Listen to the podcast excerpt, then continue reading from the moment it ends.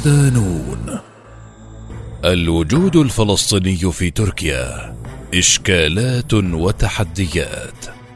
مقال لمأمون أبو جراد ضمن ملف العرب في تركيا.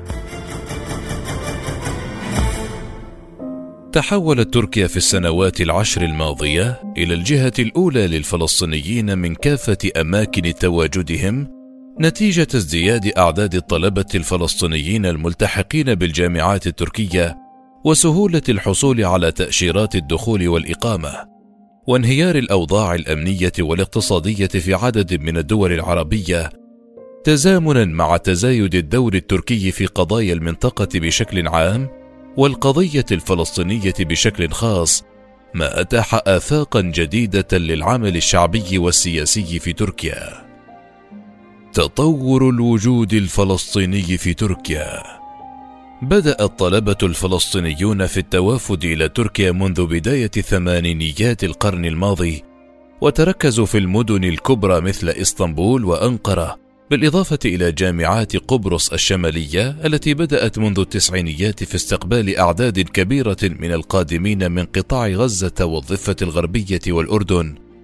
بفعل التطورات السياسية التي شهدتها تركيا والعالم وتحديدا انقلاب فبراير شباط 1997 وأحداث الحادي عشر من سبتمبر 2001 استقر قسم من هؤلاء الطلبة في تركيا وتمكنوا بفضل إتقانهم للغة التركية من تحقيق مستوى عال من الإندماج واتجه الجزء الأكبر منهم نحو العمل التجاري. مستغلين بداية الانفتاح التركي على الأسواق العربية. وبحلول العام 2004 بدأت محاولات تأسيس جالية فلسطينية خاصة بالمتواجدين في مدينة إسطنبول. وجرى تأسيس جمعية الصداقة التركية الفلسطينية كأداة قانونية تحركت تحت إطارها بعض التجمعات الفلسطينية في العاصمة التجارية كما شهدت مدينة أنقرة محاولات تأسيسية مماثلة، لكن الخلافات الداخلية بين أبناء الجالية وقفت عائقا أمام مساعي التطوير والتعزيز.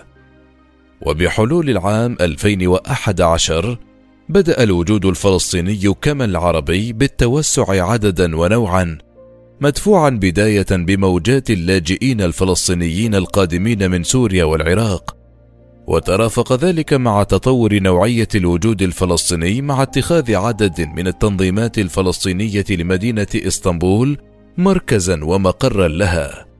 ما انعكس على العمل المؤسساتي الذي شهد تطورا نوعيا هو الآخر معتمدا على عدد من المؤسسات الطلابية والشعبية والخيرية ومؤسسات الدراسات والإعلام. الفسيفساء الفلسطينية في تركيا. على مدار العشر سنوات الماضية تضاعف عدد الفلسطينيين في تركيا. وفقا لبعض التقديرات تجاوز عددهم حاجز الثلاثين ألف نسمة. ويتكون الوجود الفلسطيني في تركيا من مختلف أماكن تواجد الفلسطينيين في العالم. ويشكل فلسطيني سوريا النسبة الأكبر منهم. فوفقا لتقديرات مجموعة العمل من أجل فلسطيني سوريا يتجاوز عدد فلسطيني سوريا في تركيا حاجز العشرة آلاف شخص. جاء أغلبهم من حلب ومخيماتها وريفها لقربها من الحدود التركية السورية. كما استقبلت تركيا أعدادا كبيرة من مهجري مخيمات الجنوب مثل اليرموك وخان الشيخ ومخيم درعا. ويتركز القسم الأكبر من هؤلاء في مدينة إسطنبول وتحديدا في الأحياء الفقيرة كإسنيورت وبغجلار وأفجلار وإسنلار كما تشهد مدن الجنوب التركي انتشارا لهم كما هو الحال في مدينة كيلس وغازي عنتاب ومدينة مرسين. ويعاني هؤلاء من إشكالات قانونية متعددة كحال إخوانهم السوريين على رأسها المتعلقة ببطاقة الحماية المؤقتة وعدم حصول قسم كبير منهم عليها أو عدم قدرتهم على السكن في إسطنبول حيث توفر فرص العمل نتيجة تسجيل إقامتهم في مدن أخرى. وشهدت السنوات الماضية تزايدا في أعداد الفلسطينيين القادمين من قطاع غزة المحاصر وتنوعت غاياتهم بدءا من الدراسة وتحديدا بعد التوسع في المنح المقدمة من الحكومة التركية أو على حسابهم الخاص. كما استقبلت تركيا الآلاف من أبناء غزة الراغبين في الهجرة إلى دول أوروبا إذ تمثل تركيا محطة أساسية في طرق الهجرة. وأخيرا استقرت فئة كبيرة للعمل في المهن المختلفة سواء الصناعية أو الخدماتية أو المهن الإعلامية والبحثية.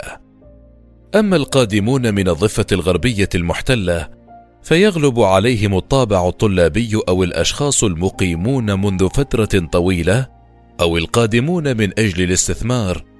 وإلى جوار هؤلاء يبرز فلسطينيو العراق الذي استقر جزء منهم في المدن التركية وتحديدا في مدينة مرسين التي تسكنها عدد من العائلات. وشهدت السنوات الماضية توافد عدد كبير من العائلات الفلسطينية القادمة من الخليج العربي وتحديدا من المملكة العربية السعودية بعد الإجراءات الجديدة التي بدأت المملكة في اتباعها مع الأجانب المقيمين. شكل هذا التنوع فرصة ذهبية للفلسطينيين للتعرف والتفاعل مع بقية المكونات الفلسطينية فأصبح بإمكان الفلسطيني القادم من غزة التفاعل مع الفلسطيني القادم من الضفة ومناطق الثمانية والأربعين والتعرف إلى قضايا ومعاناة الفلسطيني السوري واللبناني ما جعل تركيا بمثابة الوعاء الذي انصهرت فيه الفسيفساء الفلسطينية من شتى الأنحاء. المؤسسات الفلسطينية في تركيا نحو وجود فلسطيني فاعل. ساهمت عوامل عديدة في مأسسة الوجود الفلسطيني في تركيا على رأسها الحضور القوي للفصائل الفلسطينية وتحديدا حركة حماس التي تطورت علاقاتها مع الدولة التركية منذ فوزها في الانتخابات التشريعية عام 2006 وازدياد الدور التركي في المنطقة بعد العام 2011 وتتنوع ميادين عمل المؤسسات الفلسطينية في تركيا تبعا لطبيعة الفئة المستهدفة فعلى صعيد التجمعات الفلسطينية بشكل عام تعد الجمعية التركية للتضامن مع فلسطين في دار من أهم المؤسسات الفلسطينية وأكثرها فعالية. وتنشط في دار بشكل كبير في مدينة إسطنبول التي تمتلك فيها عددا من المقرات أهمها مركز التدريب المقام في حي اسنيورت كما تنشط الجمعية في المدن التي تشهد تواجدا قويا للجالية الفلسطينية كمرسين وغازي عنتاب. وتتنوع أنشطة الجمعية ما بين تقديم الدعم والمساعدات المادية والاجتماعية والقانونية للتجمعات الفلسطينية وإحياء المناسبات الاجتماعية. وعلى صعيد العمل الخيري تبرز جمعية خير أمة كمؤسسة فلسطينية تشمل خدماتها جميع المدن التركية وصولا إلى الشمال السوري ومخيماته. ويشكل الطلبة الجزء الأهم من الوجود الفلسطيني ويصعب تحديد عدد الطلبة الفلسطينيين نتيجة تباين أوضاعهم القانونية فلا تعترف الدولة التركية إلا بالطلبة الحاملين لجواز سلطة الفلسطينية كطلبة فلسطينيين، فيما تصنف البقية تبعا للدولة التي يحملون وثائقها.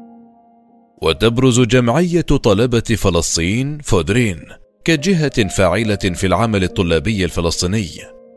تتنوع خدماتها الطلابية بين الجانب الاجتماعي حيث قامت الجمعية خلال عيد الأضحى الماضي بذبح 51 أضحية في 32 مدينة تركية والدعم المادي حيث قامت في شهر رمضان الماضي بتقديم مساعدات وصلت قيمتها الإجمالية إلى 221900 ليرة تركية.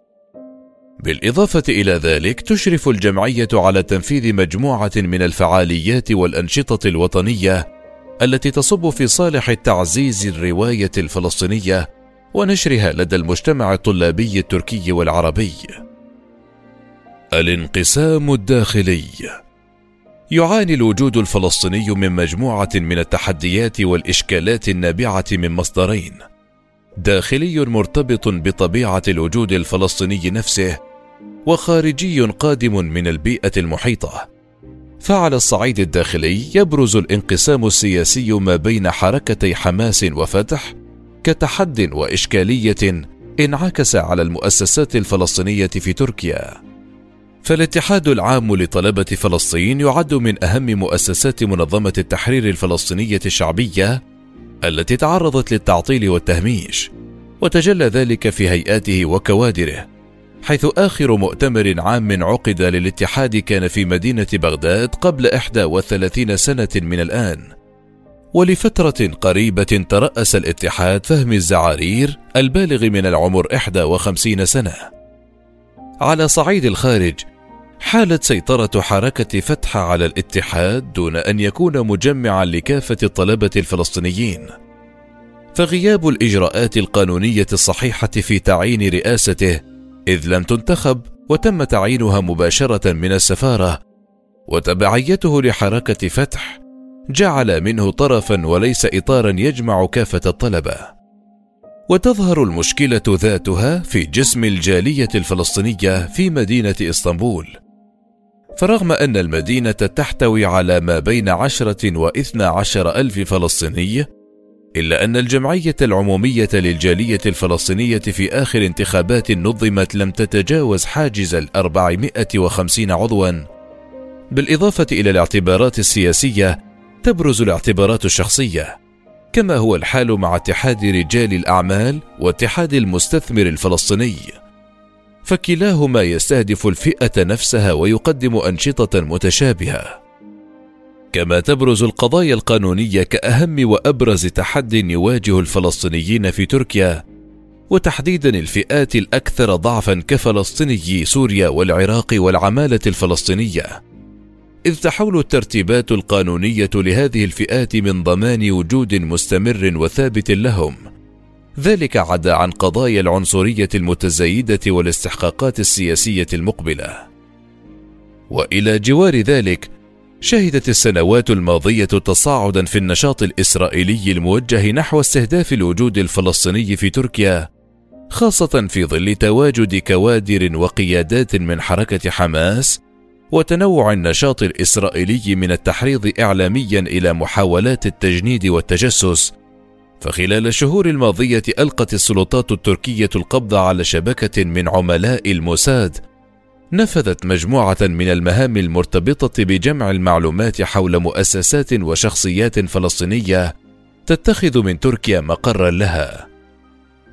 ختاما إلى جوار المهمات الوطنية المطلوبة من الوجود الفلسطيني في تركيا كالتواصل مع الشعب التركي ومؤسساته وتحشيدهما في سبيل دعم القضية الفلسطينية تمر تركيا بمرحلة انتقالية حساسة على كل المستويات الاقتصادية والسياسية والاجتماعية، تستلزم من الوجود الفلسطيني أن يكون على قدر التحدي، بما يشمل توحيد الجهود في أطر وتجمعات قائمة على الشفافية والديمقراطية الحقيقيتين، اللتين تكفلان استمرار العمل المؤسسي دون أن يكون مرتكزا على أشخاص بعينهم.